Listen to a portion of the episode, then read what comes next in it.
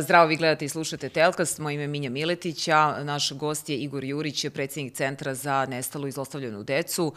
Zdravo Igore, hvala što, što govoriš za Telkast.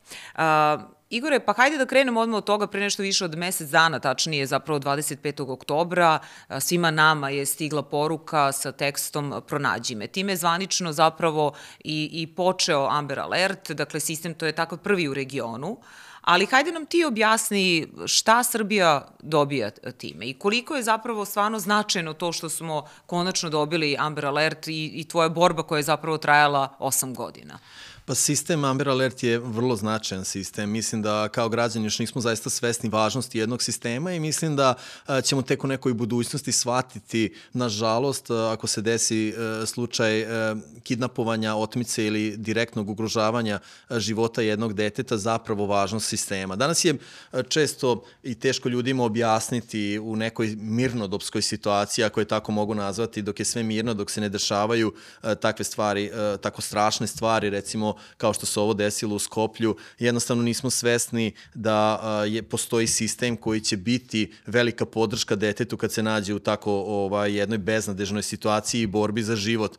Ono što vam ja mogu reći da je zapravo od momenta kada je i Tijana nestala, moj, moje neko razmišljanje i, i moj cilj jeste bio usmeren na to da vidimo kako možemo pomoći detetu kada, kada mu treba pomoć. E, konkretno ću, ću reći da je, e, čitajući sve te izveštaje, e, Tijana je u nekoliko navrata dozivala u pomoć i tražila je pomoć i mene i majke i zapravo i meni je bilo mišljenje kako sam ja tu zapravo i mogao pomoći a pomoć može da se, da, se, da se nekako dostavi, može da dođe ako smo svi uključeni u to. Nema ni jedne e, dobre i brze potrage za nestalim detetom ako nije uključena zajednica. Ovaj sistem zapravo e, sinhronizuje rad institucija, tu pre svega mislim na MUP i građana, medija i svih ostalih i zapravo je važnost da se ta informacija o nestanku proširi jako brzo. E, sistem Kažu da su ključni tih prvih nekoliko sati, da je to, to najvažnije. Neki kažu do 4 sata. Sad dakle, dakle, dakle, kada je, uh, kada je otmica deteta u pitanju. Uh, životni vek deteta je u proseku na globalnom nivou, dakle to je statistika koja je potpuno umoljiva i pro, lako proverljiva. Životni vek deteta je 4 sata i uh, to se pokazalo i u Tijaninom slučaju, u slučaju E, e, devojčici iz Skoplja koja je živela čak i kraće nego Tijana. E, Vanja je živela po nekim sada dostavljenim informacijama iz medija nekih dva i po sata. I zbog toga su ti prvi momenti jako bitni. Moram reći takođe da je upravo statistika ta koja kaže recimo u Americi kad se pokrene sistem Amber Alert u Americi u prva četiri sata od momenta pokretanja sistema 50% dece se pronađe i vrati živo kući. Dakle, jako je važno prvo da roditelji imaju dobar odnos sa detetom, da nema nagađanja. Ako se dete ne javi, mora da bude ta bolja komunikacija između nas i dece, da budemo potpuno sigurni, jer veliki broj roditelja nije zapravo sigurno da li je dete nestalo i onda čekaju, nisu sigurni da li da, je dete... Da, možda je kod drugarice. Možda je kod drugarice ili slično, ali zapravo je taj odnos jako, uh, mora biti mnogo bolji, često zapuštamo, ne razmišljamo dovoljno o ovim situacijama koje su se desile. Majka iz iz Skoplja je takođe vrlo brzo reagovala, to je sada jedna druga priča, ali, ali e, mislim da je tu takođe sistem mnogo zakazao i da je e, tu bez obzira na sve, e, bar se moglo e, istog dana ili sutradan moglo se, e, e moglo se doći do ubice koji je trenutno u da. bekstvu. Da. A, Igore, ali šta nam kaže statistika, koliko na godišnjem nivou e, takvih slučajeva se dešava kada govorimo o otmicama dece? Hajde prvo da vidimo imamo li podatke za Srbiju. Pa kada govorimo o otmicama, dakle, to su najređi slučajevi. U sistem i predviđanje stručnjaka iz MUPA, pa i neko naše, gledajući druge zemlje u regionu, a i, a i e, e šire, moram samo da kažem da je e, sistem predviđen i nekako statistički gledano, sistem će se u Srbiji pokretati jednom dva puta, eventualno tri puta godišnje. To je ono znajući okolnosti u našoj zemlji i neke statističke podatke. Ne pokreće se on u većim zemljama češće. Govorimo o zemljama zapadne Evrope, Belgija konkretno, gde sam i živeo, gde sam video. Sistem se pokretao dva puta godišnje u proseku.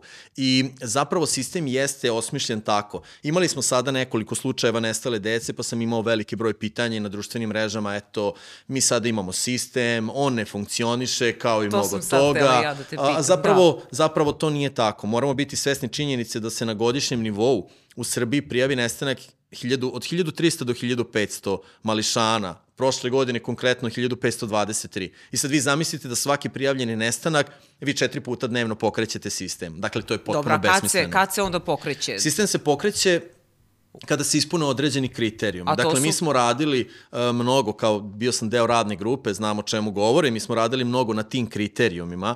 Dakle, osnovni kriterijum jeste kada policija zna da je dete u životnom životnoj opasnosti.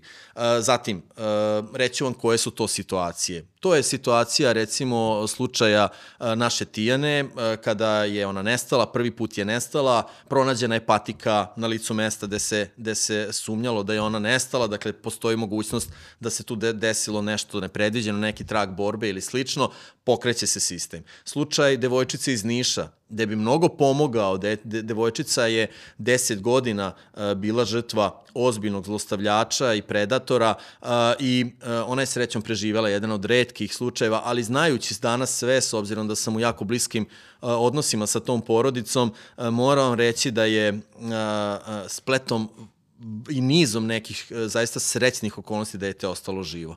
Ali da je recimo sistem postojao, s obzirom da je devojčica oteta na putu od kuće do škole, roditelji na nesreću nisu imali informaciju da ona nije stigla do škole, nego tek kad se ona trebala vratiti kući, roditelji su zapravo saznali da se nešto desilo, ali sutradan je taj isti čovek u okolini e, suvog dola gde je devojčica nestala, potpuno slobodno šetao sa istom devojčicom, čak je bio u prodavnici uh, i niko nije znao niti da je on otmičar, da osumnjičeni, niti da je dete koje je sa njim oteto. Sigurno da je postojao sistem, ona bi već sutradan bila spašena. To su samo neki od slučajeva kada je dete u životnoj opasnosti. Dakle, E, konkretno u Nišu, dete je oteto, osumnjičeni e, koji je bio jako živeo u blizini, a koji je bio prestupnik, e, silovatelj prestupnik, imao je nekoliko odležanih godina zatvora upravo zbog takvih krivičnih dela, sumnjalo se na njega, dakle sistem bi se pokrenuo. Kada govorimo o deci mlađe od 7 godina, Dakle, ako je, dete, ako je prijavljen nestanak deteta mlađe od 7 godina, ne gledaju se druge okolnosti. Sistem se automatski pokreće.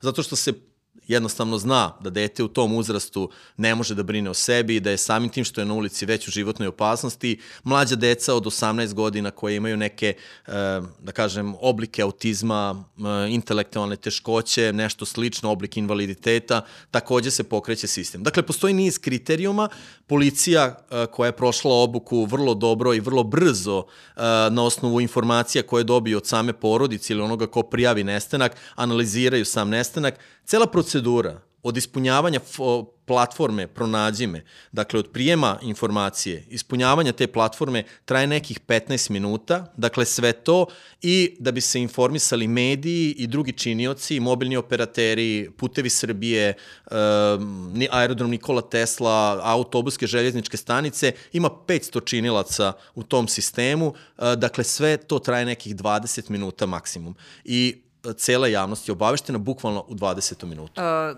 pretpostavljam da ima i situacija kada ne treba da se uključi Amber Alert, da to ometa istragu i da ne bi trebalo javnost da, da bude upoznata pa, sa policija tim. procenjuje, Pro... da. Dakle, dakle, policija je ta koja procenjuje uh, u svakom slučaju najveći, najbitniji interes je interes deteta i, i života samog deteta. Konkretno ću reći, dakle, kada se recimo traži otkup za nestalo dete, uh, sistem se neće pokrenuti, zato što tada uh, postoji objektivna indicija da je da se zna da je dete živo, da neko traži otkup i neko može može se možda dodatno ugroziti život ako bi se pokrenuo sistem. Ali dakle, evo u ovom slučaju ove devojčice iz Makedonije tu koliko sam čitala u, u medijima, tu je isto bilo u pitanju otkup.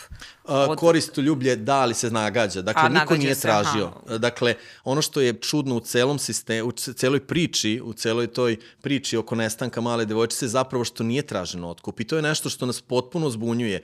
Jesu indicije, majka prodala stan, uh, otac navodno učestvovao nije, ali uh, niko nije uh, zvanično dao podatak, niti je majka objavila da je neko tražio novac od nje postoje mnogo toga sumnjivog ili nelogičnog u celoj priči, ako tako mogu to reći, zato što zapravo koja je svrha bila da se dete otme i da mu se oduzme života, da se pritom ne traži taj novac koji se konstantno spomenje u celoj priči. Uh, šta me još zanima, Igore, dakle, recimo taj sistem Amber Alert Pomenuo si, uh, bio bi pokrenuti ne samo na putem mobilnih uh, telefona, već i na, druž, na uh, putem tradicionalnih medija, ali šta je sa društvenim mrežama, recimo? Kako tu da, da se pokrene taj sistem? Pa MUP je već imao razgovor sa Metom, dakle, vezano za Instagram i Facebook, ali je tu postojao jedan veliki problem, dakle, Meta konkretno, samo da podsjetim za one koji ne znaju, Meta je vlasnik Instagrama i Facebooka, nemaju odgovorno lice u Srbiji.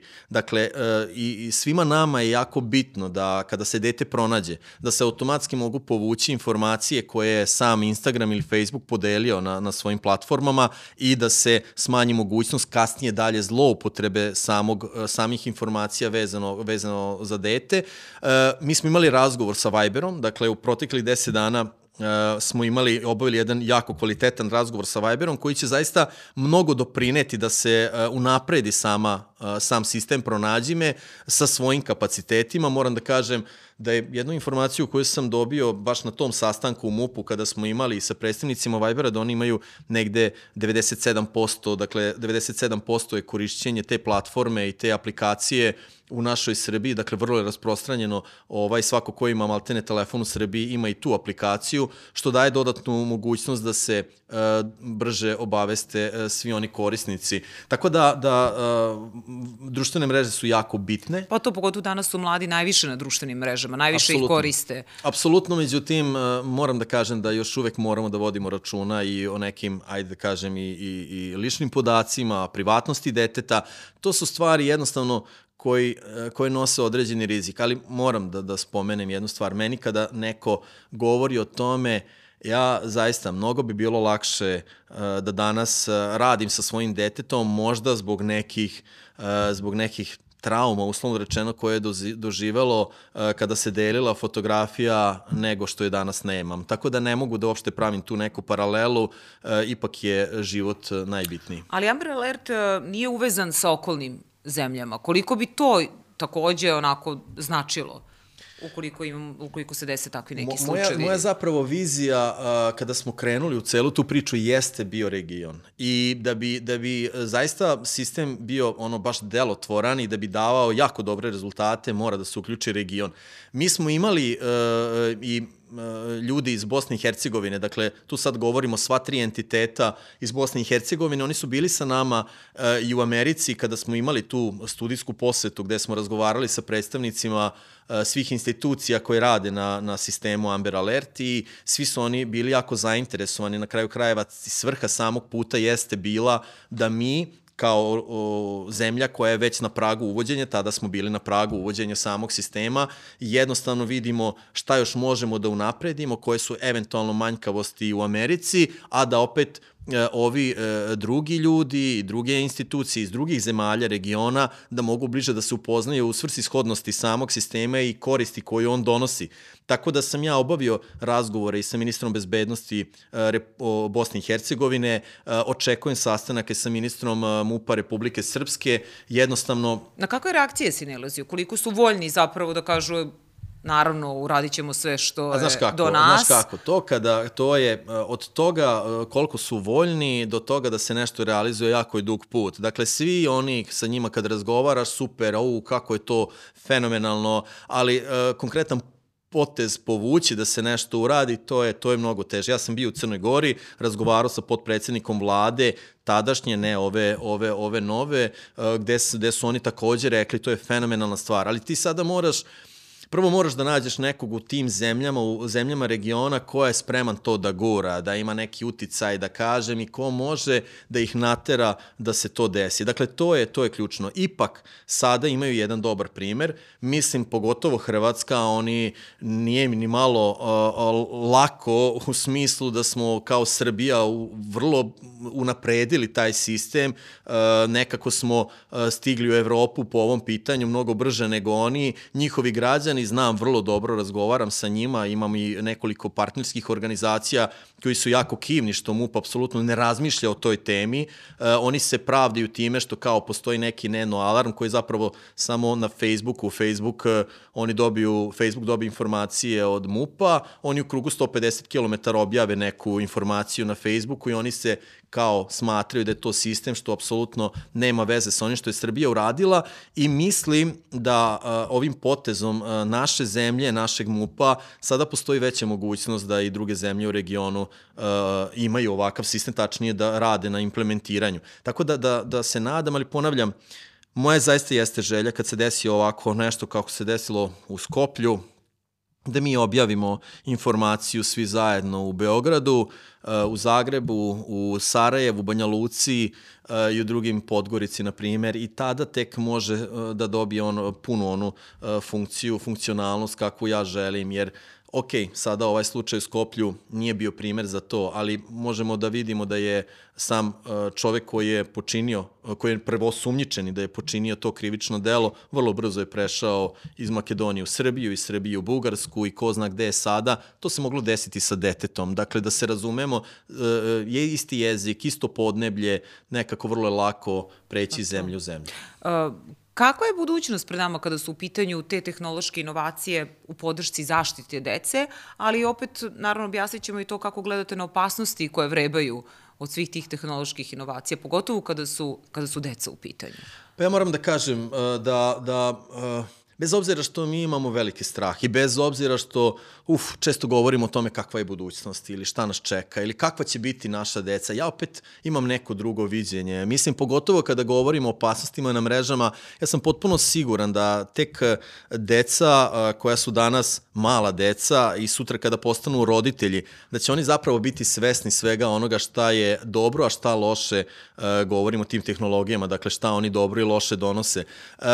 Mi, evo, upravo sada krećemo u jedan pilot, veliki pilot projekat, uh, gde želimo da upravo sa decom razgovaramo na jedan vrlo kon konkretan i bolji možda način nego do sada. Ja sam se do sada u prethodnom periodu više obraćao roditeljima nego deci. Smatrao sam da kao roditelj imamo obavezu uh, da se više posvetimo, da se više informišemo, da se više edukujemo. Ne ide to baš tako.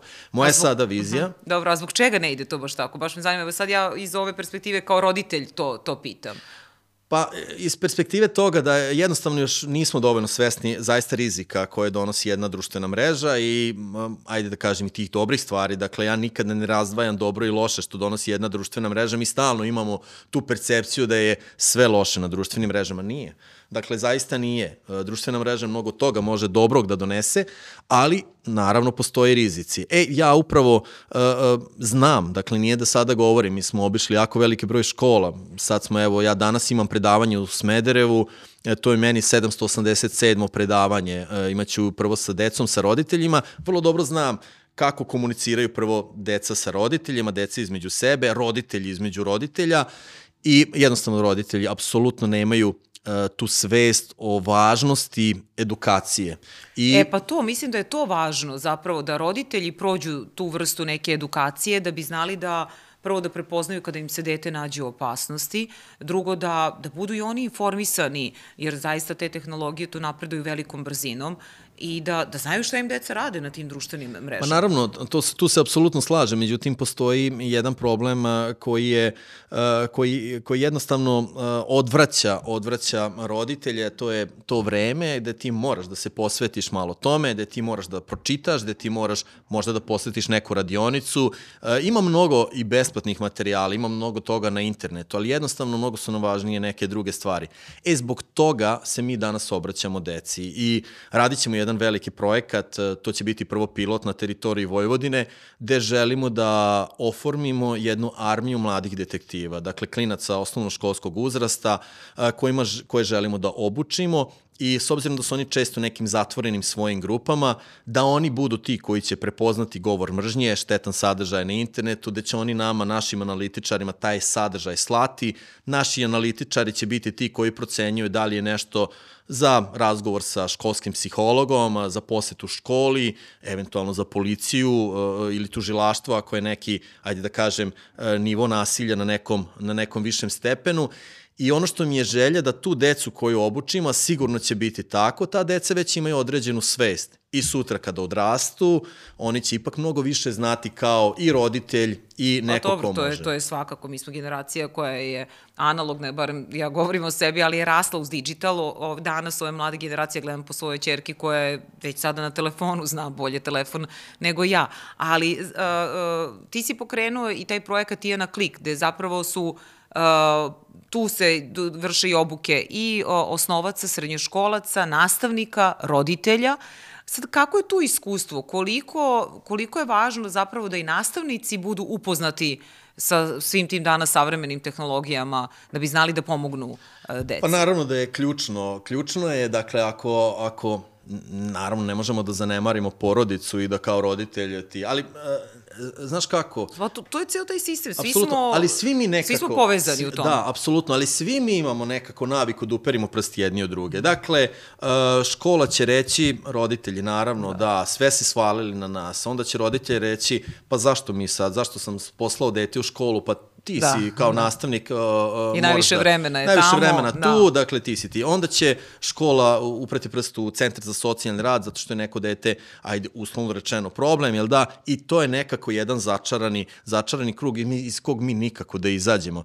Uh, ono što ono što se jeste pokazalo zaista da postoji to uh, ogromno nerazumevanje i mi smo se kao roditelji sad uh, govorimo o meni, dakle ja sam uh, neko ko je, ko je danas 50 godina, jel da, našli smo se u, ipak u jednom čudu. Dakle, našli smo se u jednoj situaciji, toj transformaciji gde prelazimo iz tog nekog realnog života u virtuelni, gde jednostavno ne znamo šta nas je snašlo i nismo se dobro snašli. Neke druge zemlje su mnogo više radili na tom sistemskom obrazovanju nacije da bi se suočile sa ovim problemima o kojima govoriš, međutim mi nismo i sad nam treba vreme da se na to adaptiramo. Još se nismo adaptirali. Dakle, još nam treba vremena a, zato što nekako počeli smo više o tome da govorimo, to jeste tema u medijima, međutim, malo ima kvalitetnih pričam iz iskustva mog tima, zato što radimo svakodnevno na tome, deo smo net patrole, mnogo vremena provodimo o bezbednosti i radeći na bezbednosti dece na internetu, angažovali smo jako stručne ljude, neke ljude koji su radili za naš visokotehnološki kriminal. Dakle, stvarno gledam da, da radim to sa strukom i video sam zaista da je ipak, bez obzira na sve to, što jeste na višem nivou, ta svest, ajde ako je tako mogu nazvati, nije dovoljno. I upravo sada želimo baš da idemo i pucamo direktno na decu, koja će, čini mi se, i bolje razumeti i dati veći doprinos nego što daju roditelji. Da, ali uh, i sad ono što u poslednje vreme se govori, imam m, dosta, zaista mnogo i tekstova u, u medijima uh, apropo veštačke inteligencije. Kakav je tvoj stav po tom pitanju. Tu postoje različite škole mišljenja. Neki su oduševljeni veštačkom inteligencijom, to će nam poboljšati kvalitet života. E, neki kažu ne, to će uništiti od, od zanimanja do ljudske vrste i tako dalje. E, kakav je tu tvoj stav? Kako misliš da, da može da nam poboljša kvalitet života? Pa naravno da može. Međutim... I šta tu možemo da iskoristimo? Koje, koje alate kada pa, govorimo i o bezbednosti dece. Da, naravno, naravno da može. Uh, međutim, ono što evo, ja sada uh, odlazim u škole, pa čak su deca nižih razreda osnovne škole uh, počele da, da koriste veštačku inteligenciju za neke sastave, što jeste vrlo opasno, zato što se potpuno gubi realnost, ne proveravaju se činjenice, dakle nije sve što ti, što ti napišeš kao zadatak da, da dobijaš kao ispravan odgovor i sad je zaista ogroman izazov. Dakle, moram da govorim i o vršnjačkom nasilju koje se sada pojavljuje, da, uh, na internetu, dakle, sada se veštačka inteligencija jako dobro i vešto koristi da bi se to vršnjačko nasilje uh, sprovodilo uh, ružan izraz, ali ću ga reći još kvalitetnije ka drugoj osobi u smislu da, da se na uh, još drastičniji način diskredituje ta druga osoba i sada jesmo u problemu. Dakle, to su jedan, to su izazovi sa kojima se i mi kao organizacija susrećemo. Uh, mnogo smo radili i sada razmišljamo o izmeni mnogo zakona, dakle, kada govorimo o nasilju na internetu, generalno, uh, uh, generalno stvarima gde se gde se uh, na neki način diskredituju druge osobe, mi taj problem imamo i sa osvetničkom pornografijom, dakle neki zakonski okviri su uh, zastareli, po tom pitanju ili ih nema, tako da i na tome moramo mnogo da po, poradimo i to će biti jedan da. zaista ogroman posao. I tu ima različite zaista platforme, na primjer Snapchat, gde onako imaju ra razne filere pa se tu ovaj, slikaju deca i tako dalje, međutim ono što sa druge strane, ti kada se dopisuješ na Snapchatu, te poruke vrlo brzo nestanu. I sada, to je meni sad roditelji možda neki ni ne znaju šta je Snapchat ili nemaju, nemaju predstavu o tome, ali uh, to je važno kako da deca bezbedno koriste uh, internet uh, i koliko ti predatori, hajde tako da kažemo, oni su, deca mo, umeju, svako može da postane žrtva. Uh, ti predatori čak mogu da se predstavljaju kao da su njihovo godište. Sad, kako tu prepoznati, kako mi kao, kao roditelji, je važno, koji su to signali kako da prepoznamo da, da nam je dete u opasnosti? Pa prvo, sad, sad ću reći vrlo konkretne neke stvari iz naših, reću, iz sudskih procesa. Dakle, ne pričam samo o slučajevima, nego do nekih sudskih procesa i, da kažem, dokaza gde, smo, gde su i osuđeni neki predatori, gde smo mi direktno učestvovali. Tako da neće biti sada treće lice, pričam iz sobstvenog iskustva.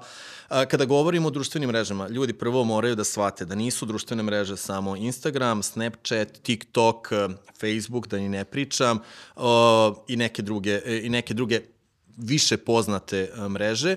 E, tu su i neke manje poznate, ali izuzetno opasne. Neke od njih, a, tu ću, moram da naglasim, to je Omegle, recimo jedna društvena mreža koja je jako danas aktuelna. Zašto? Zato što a, ulazeći na tu mrežu vi odmah vidite seksualni odnos dvoje ljudi. A, vrlo lako možete da komentarišete, da bukvalno četujete čak i sa ljudima koji su tu i to je deci često vrlo zanimljivo. Druga društvena mreža koju za koju, na koju ljudi jako moraju obratiti pažnju, a to je Grindr. Grindr je društvena mreža za one koji ne znaju, društvena mreža gde se okuplja LGBT populacija.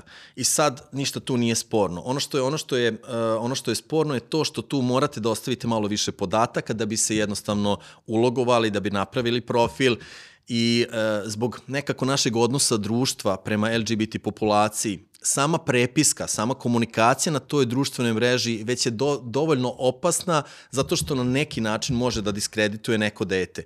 E, takođe, moram da kažem da veliki broj dece, prisutan sam tu, e, komuniciram, veliki broj dece je na toj mreži ne zato što su nekako druge, neke seksualne orijentacije, nego zbog toga što su znatiželjni. Dakle, oni tu provode vreme, žele da upoznaju neke ljude koji su možda na neki način različiti od njih, međutim, to je opasno. Mi smo imali slučaj iz Novog Sada koji je nedavno završen, gde je predator osuđen na 12 godina zatvora. Uh, i gde je on gađao decu razvedenih roditelja. Tražio je dečake, imali smo u Novom Sadu četiri žrtve, četiri dečaka, sva četiri dečaka su deca razvedenih roditelja i sva četiri dečaka u svojim porodicama nemaju oca kao figuru. Dakle, on jeste živ, ali nije prisutan. On je na putu, razveli se, jednostavno ne brine dovoljno o detetu i taj čovjek je gađao tu decu. Gađao zato što je želeo da detetu nametne da mu da ono što mu nedostaje. Svako od nas ima nekad želju da dobije nešto što mu treba. Nekad je to pažnja, nekad je to ljubav. To predatori jako dobro e, kontrolišu i jako dobro prate. E, svaki post jednog deteta, fotografija, komentar e, na sliku ili nešto slično, jako se dobro analizira i gađa se na ono što detetu fali. I često nije u pitanju tehnološka pismenost, jer danas deca često uh, traže upravo to, da dobiju malo ljubavi, pažnje, kad je ne dobiju od roditelja, dobio je na nekom drugom mestu. I kažem, desilo se i završilo se kod ovog dečaka tako, koji je naš stipendista inače, tako što je jednostavno dve godine, od njegove 14. do 16. godine, on bio brutalno silovan, isključivo zbog toga što nije smeo da kaže svojoj majici jer se plašio da će ga i majka ostaviti. I deca su često jako spremna da trpe mnogo boli, samo da ne povrede roditelje i da ne izgube roditelje. I to je nešto gde moramo da budemo svesni. Zato je važno jako dobro voditi računa o promenama u ponašanju našeg deteta. Uh, morate aktivno slušati dete, morate ga gledati u oči, klimati glavom. Nemojte da se zaokupljate drugim stvarima dok vam dete priča. Uh, pitajte ga šta ste, o čemu ste razgovarali uče. Vi dajete signal detetu je majka mi je tu, otac mi je tu, da, interesuje ili interesuje ga ono što čemu smo pričali uče i na taj način posle određenog vremena, ne posle jedne nedelje, ne posle druge, posle treće nedelje dete počinje da se otvara i ako ima problem, reći će. Šta je ono što, što roditelji, koje greške prave, šta kažu roditelji, a, a bude kontraproduktivno? Pa reći vam u slučaju ovog dečaka, zna, znaš šta je rekla uh, majka zbog čega je on trpeo dve godine silovanje? Rekla je, gledala jednu emisiju i rekla je, ne de Bože da imam ovakvog dečaka, ja bi ga se odrekla da imam ovakvog sina, ja bi ga se odrekla. Ona se toga nije ni sećala. Dakle, ona je to rekla, ono, gledajući emisiju, potpuno nesvesno, ali je dečak to jako dobro zapamtio. I dve godine je trpeo uh, seksualno zlostavljanje samo zbog te rečenice. Jer, ponavljam, oca nema, a majka je rekla odreći će me se. I to je to. Strašno. Dakle, dakle uh, kada govorimo o internetu, moramo da znamo jednu stvar. Internet je vrlo složena uh, složen po pitanju nasilja nad decom. Zašto? Zato što mi već smo kritički nastrojeni ka detetu. Pogotovo deci koja su recimo osnovnoškolskog uzrasta, idu u školu i sad malo dete popusti u školi, a mi smo spremni da kažemo, vidi, bitno da si na Instagramu, jel da, provodiš vreme 2-3 sata, škola ništa, evo gledam te opet, evo vidim, opet si stavio neku fotografiju i već dete svata da je roditelj kritički nastrojen. Ako se nešto loše desi, onda će roditelj možda reći, pa jesam ti rekao? Jesam ti rekao? O čemu ti Dobro, da ti a, a, a kako treba da bude? Pa treba da bude sa mnogo razumevanja. Mi Aha. često roditelji nemamo dovoljno strpljenja i razumevanja i napreći ćemo jednom detetu kako si mogo biti tako glup. Sad ja pričam, da, da, uh, pričam pa dobro, onome, ono, ja pričam što... zato što radimo uh, na časovima, interaktivne su nam radionice, to nam deca priča, da, pričaju, dakle to ne pričam ja, ne izmišljam, to su, to su reči naše dece. I onda roditelji često kažu, bože ne mogu da verujem da si takvu, glup, takvu glupost napravio i to je nama roditeljima bezazleno a zapravo su to nijanse koje uh, dete spašavaju, uslovno rečeno, ili ga guraju u još veću, veći problem. Uh, I sada kod vas na sajtu, to sam našla statistik, e, statistika koja pokazuje zaista porast upotreba interneta od strane predatora za vrbovanje dece i dijeljenje materijala uh, gde je prikazano seksualno zlostavljanje dece. To su žrtve, nisam mogla da verujem, od druge do šeste godine. Da, naravno, Mislim. naravno. Ja imao sam priliku, samo ću se nadovezati da? na to, imao sam priliku da budem dva puta na obuci u Interpolu i tu smo bili ono prvo zapanjeni materijalima koje smo imali priliku da vidimo, dakle ta beskrupuloznost, beskrupuloznost, bezosjećajnost predatora i uopšte a, a, bez, bez, ikakvog, e, bez, ikakvog, e, bez ikakve emocije koliko se zlostavljaju deca zarad i svog, e, da kažem nekad i fizičkog nagona, ali i materijalnog, materijalne dobiti, tu nema apsolutno nikakve granice. Da, de, de svake sekunde se na internetu podale najmanje dve fotografije ili video zapisa. Mislim, to je, to je zaista neverovatna, neverovatan broj. Ali istraživanje koje je predstavljeno takođe u Novom Sadu, čini mi se u aprilu mesecu ove godine, pokazalo srednjoškolci u velikoj meri primaju dele seksualne sadržaje. Pa da, na, ovaj, to je naše D-Shame istraživanje koje smo mi predstavili u aprilu ove godine i radili smo na uzorku 3000 srednjoškolaca gde smo zaista videli, ono, ono što je tu naj, za mene lično je bio naj nekako frapantniji podatak je zapravo to da kada imaju problem srednjoškolci, srednjoškolci se obraćaju roditelju tek nakon pet nekih drugih ljudi. Dakle, e, tek peti smo kao roditelji po poverenju, ako to tako možemo. Pa prvo oni sami žele da reše svoj problem, dakle oni su sami sebi na prvom mestu, onda je to policija, pa nastavnik, pa rođak, kum, prijatelj i tek je ovaj e, roditelj na petom mestu. Hoću da kažem da se ta prisnost ipak izgubila. Ja ne kažem. Naravno da možda je tu nekad prijatelj, ajde pa kažem da smo mi drugi kao roditelji, pa da smo na nekom drugom mestu, pa da i ne budemo uh, na prvom, ali na petom to jeste već zabrinjavajuće. A kada govorimo o razmeni fotografija moram reći da to nije samo popularno među mladima, među srednjoškolcima. Mi ćemo sada raditi istraživanje isto ovo, e, samo naravno prilagođeno i deci osnovnoškolskog uzrasta, pa ćemo i tu videti rezultate, ali moram reći da i mi kao odrasli uh, imamo jako veliku potrebu da delimo uh, među sobom yes. uh, nage fotografije, koji je to poriv sada ne znam, ali svaki, svaka ona osoba koja podeli takvu fotografiju mora da zna da je u jednom momentu sigurno, gotovo sigurno žrtva uh, uh, ucene. Mm. Uh, na ovaj ili onaj način, da li slučajno ili namerno. Tako da moje neki savet, svaki put kažem, ako ste zaista mnogo zaljubite Dobro. i želite da usrećite osobu sa druge partnera, koga god, on vas ono, on vam baš kaže, aj molim te pošalji mi neku mhm. fotkicu, mm -hmm. mnogo mi se sviđaš, a moj je savjet da svaki put e, se fotografišete bez glave, dakle nek uživa u ovom donjem delu, a nek ne uživa u gornjem. Da. Mnogo eto, toga eto može, savjeta. da, mnogo toga može da uradi danas i veštačka inteligencija, ali ipak to je bar jedna mera predostrožnosti, bar nemoj glavu da šalje. da. Dobro, ali tu adolescenti treba da prave razliku, uh, dobrovoljna razmena, razmena razmena pod prinudom, dakle i tu treba da znamo pa, govor, šta i kako treba. Rekao, da, spomenuo ali, sam osvetničku pornografiju. Jeste. Osvetnička pornografija uh, u našem zakonodavstvu nije krivično delo. Upravo zbog toga jer se smatra da smo je dali dobrovoljno, što je absurd.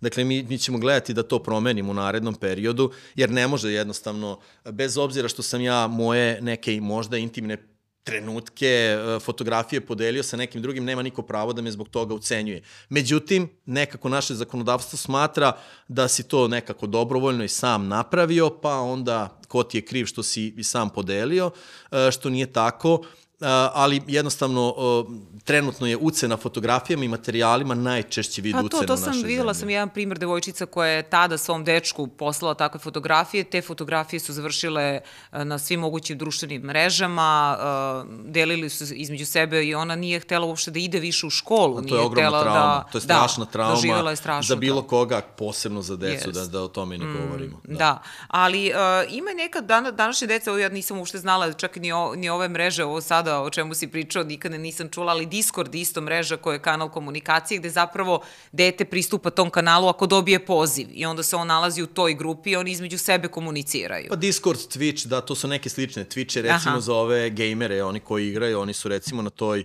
na toj mreži vrlo aktuelni, ali uh, uh, ponavljam još jednom, sve su to mreže uh, gde, ja, ja ću reći kada odem u školu i sad mi imamo tu interaktivnu, telefonima odgovaraju ne radimo nikad zajedno decu i roditelje, nego uglavnom radimo prvo, rod, prvo decu, pa onda roditelje. I onda, recimo, moje pitanje je uh, za decu koje mreže koristite i onda nam oni nabroje između ostalog i Discord uh, ili, ne znam, uh, Twitch ili neke druge, Omegle ili sve te neke druge mreže za koje roditelji ne znaju. A onda pitamo roditelje, recite da li znate ovaj koje vam deca koriste mreže, to se svede na Instagram, TikTok, I Facebook. eventualno Snapchat, Aha, ne, Facebook ne, nisu, na, kao Aha. na Facebooku više nisu, toga su i oni svesni, ali to se na to svede. I onda kad im ja uporedim samo ovaj rezultate i pokažem im šta su im rekla deca sat vremena pre njih, onda su oni nađu apsolutno u čudu. Da. Tako da, da to su uh, neki njihovi... E, znaju novi... roditelji šta je grooming?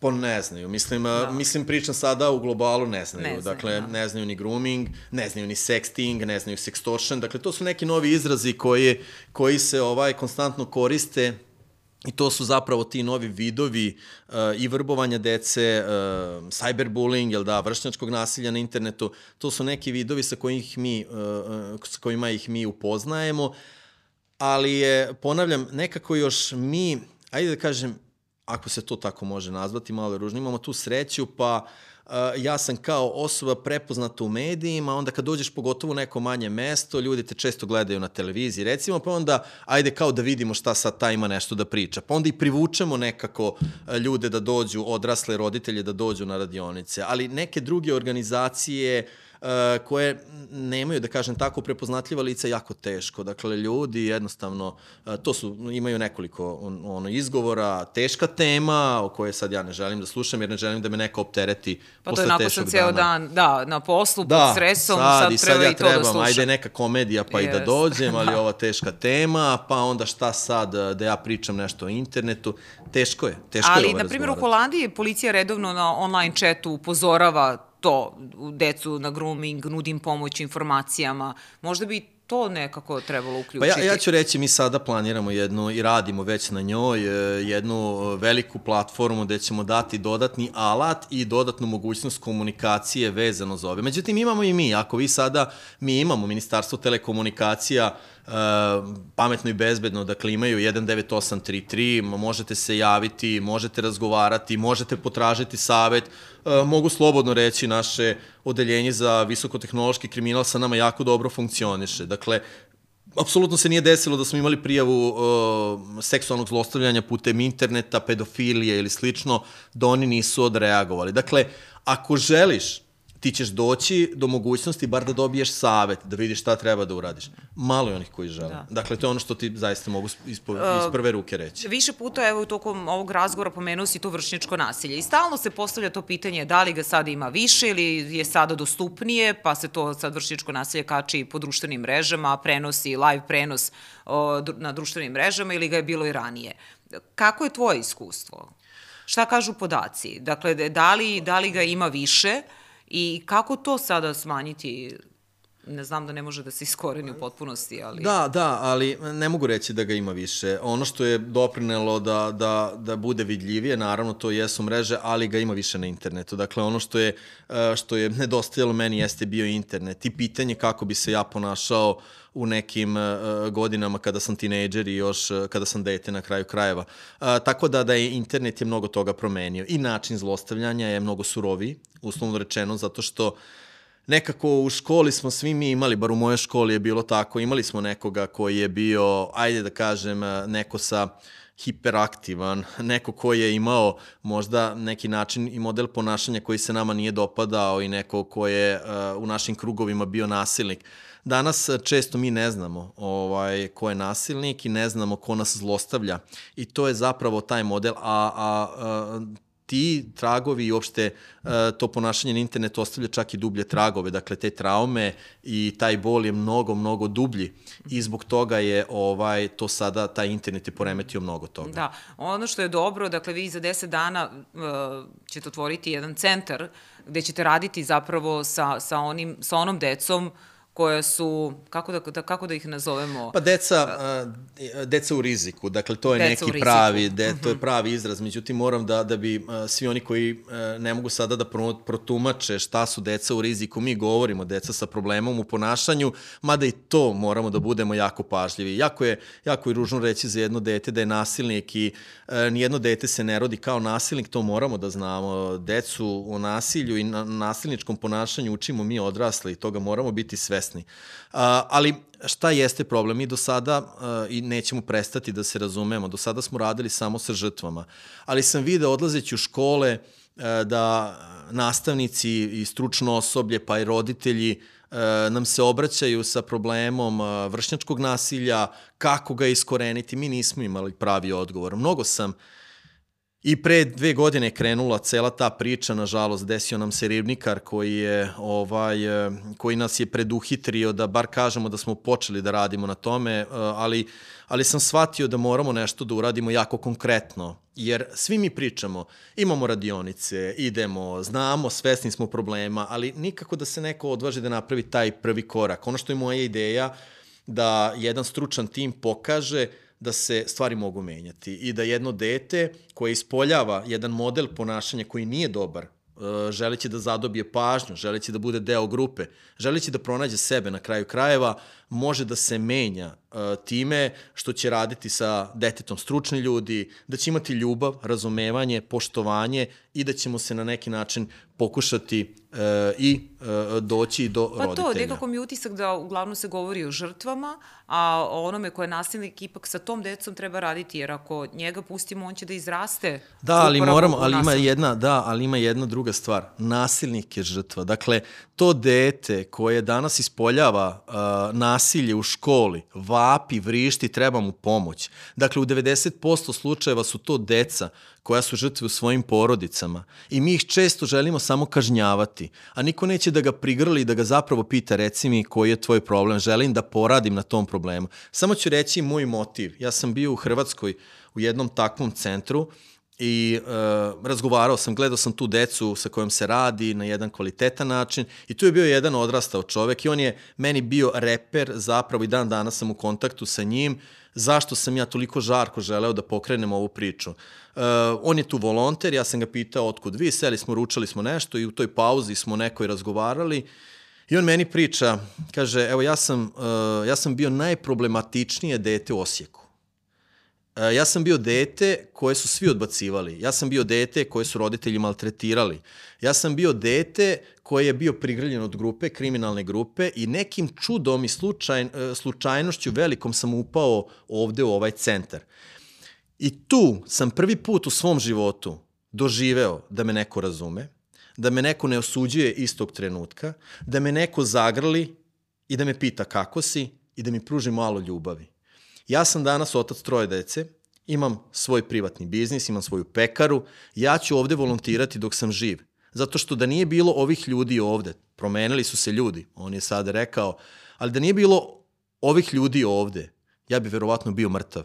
Ili bi bio neki diler, ili bi bio neki okorali kriminalac, beskućnik. I zbog toga sam im e, zahvalan dok sam živ i neću dok god bude mogao, donosit ću ovde hleb, kifle, peciva, sve što mogu, zato što su me oni zapravo vratili u jedan normalan život. Dobro, to je lepa priča, da. E, veliki deo vremena zaista govorili smo o o tim lošim stvarima kada je reč o internetu i, i društvenim mrežama, ali e, sigurna sam da mnogo toga na, nam i dobro donosi, pogotovo i kada su deca u pitanju, pogotovo kada go, hoćemo da, da proširimo neku informaciju, neku dobru vest, e, e, treba da se fokusiramo i na to. E, ali me zanima šta, šta zameraš tradicionalnim medijima? Koliko uopšte, jesmo li dovoljno senzibilisani za ovakve, za ovakve teme?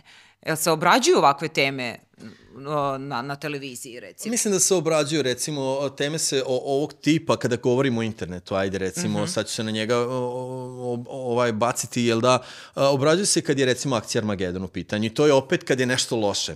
Dakle, mi nismo imali uh, nekih, uh, ili bar, recimo, uh, vi na Euronewsu znam da imate jednu emisiju vezano mm -hmm. za tehnologiju koju često pratim, koja je super emisija, mhm. ali je, ali je pitanje da li se dovoljno promoviše i pitanje je da li treba zapravo da se, da se na neki bolji način i ne samo vezano za internet, nego i neke druge stvari da se uh, promovišu da bi zapravo doprali do ljudi. Jer, ponavljam još jednom, uglavnom i tradicionalni mediji žele samo kada se nešto loše desi, kada se uh, desi nasilje na internetu, kada se desi vršnjačko nasilje. Meni recimo smeta što što se milion dobrih primera iz škole uh, E, e, ne prikazuju na kvalitetan način, jer govorimo samo o školi kao jednom sada mestu gde se dešava vršnjačko nasilje. Malo je onih primera da, da imamo primera mm. pravog drugarstva, a, volontiranja, mi imamo u našem centru mlade volontere koje treba to konstantno isticati, raditi sa njima i promovisati ih zato što su to jeli, prave stvari koje mogu i dopreti do, do, do velikog broja ljudi ako imamo podršku tradicionalnih medija. Uh, I evo za, za kraj, kao što sam rekla, rekla, opet se vraćam na Amber Alert i, i tu tvoju borbu od 8 godina, koja je bila prva emocija kada si shvatio zapravo kada je pokrenut sistem i kada, pa, kada si između ostalog i ti dobio tu poruku pronađi me? Ja ne mogu da to, ja zaista to ne mogu opisati, to nije neka floskula. Ja sam, ja sam uh, i na toj konferenciji na kojoj sam bio i na kojoj se to desilo uh, nekoliko puta zaista iskreno zaplakao zato što, uh, zato što uh, to zaista jeste, jeste dug uh, jednom detetu i to je zaista nešto što, što sam ja njoj obećao da ću uh, dalje nastaviti svoj život uh, želeći da, da se stvari neke promene. I mislim da je ona zaista svoj život dala da se mnoge stvari promene u ovoj zemlji i mislim da će tek uh, biti mnogo promena na bolje u našem društvu i kad se desi tako nešto posle 8 godina, onda ne može ono da ti ne zaigra srce i ne mogu da, da, da, da, da kažem hvala državi, hvala svima koji su to podržali. Ponavljam još jednom, hvala svoj deci koja su stradala da mi nismo imali razumevanja da se stvari promene pre nego što su oni stradali. Igore, hvala tebi što si govorio za Telkast. Hvala. Naš gost je bio Igor Jurić, predsjednik Centra za nestalu i zlostavljenu decu.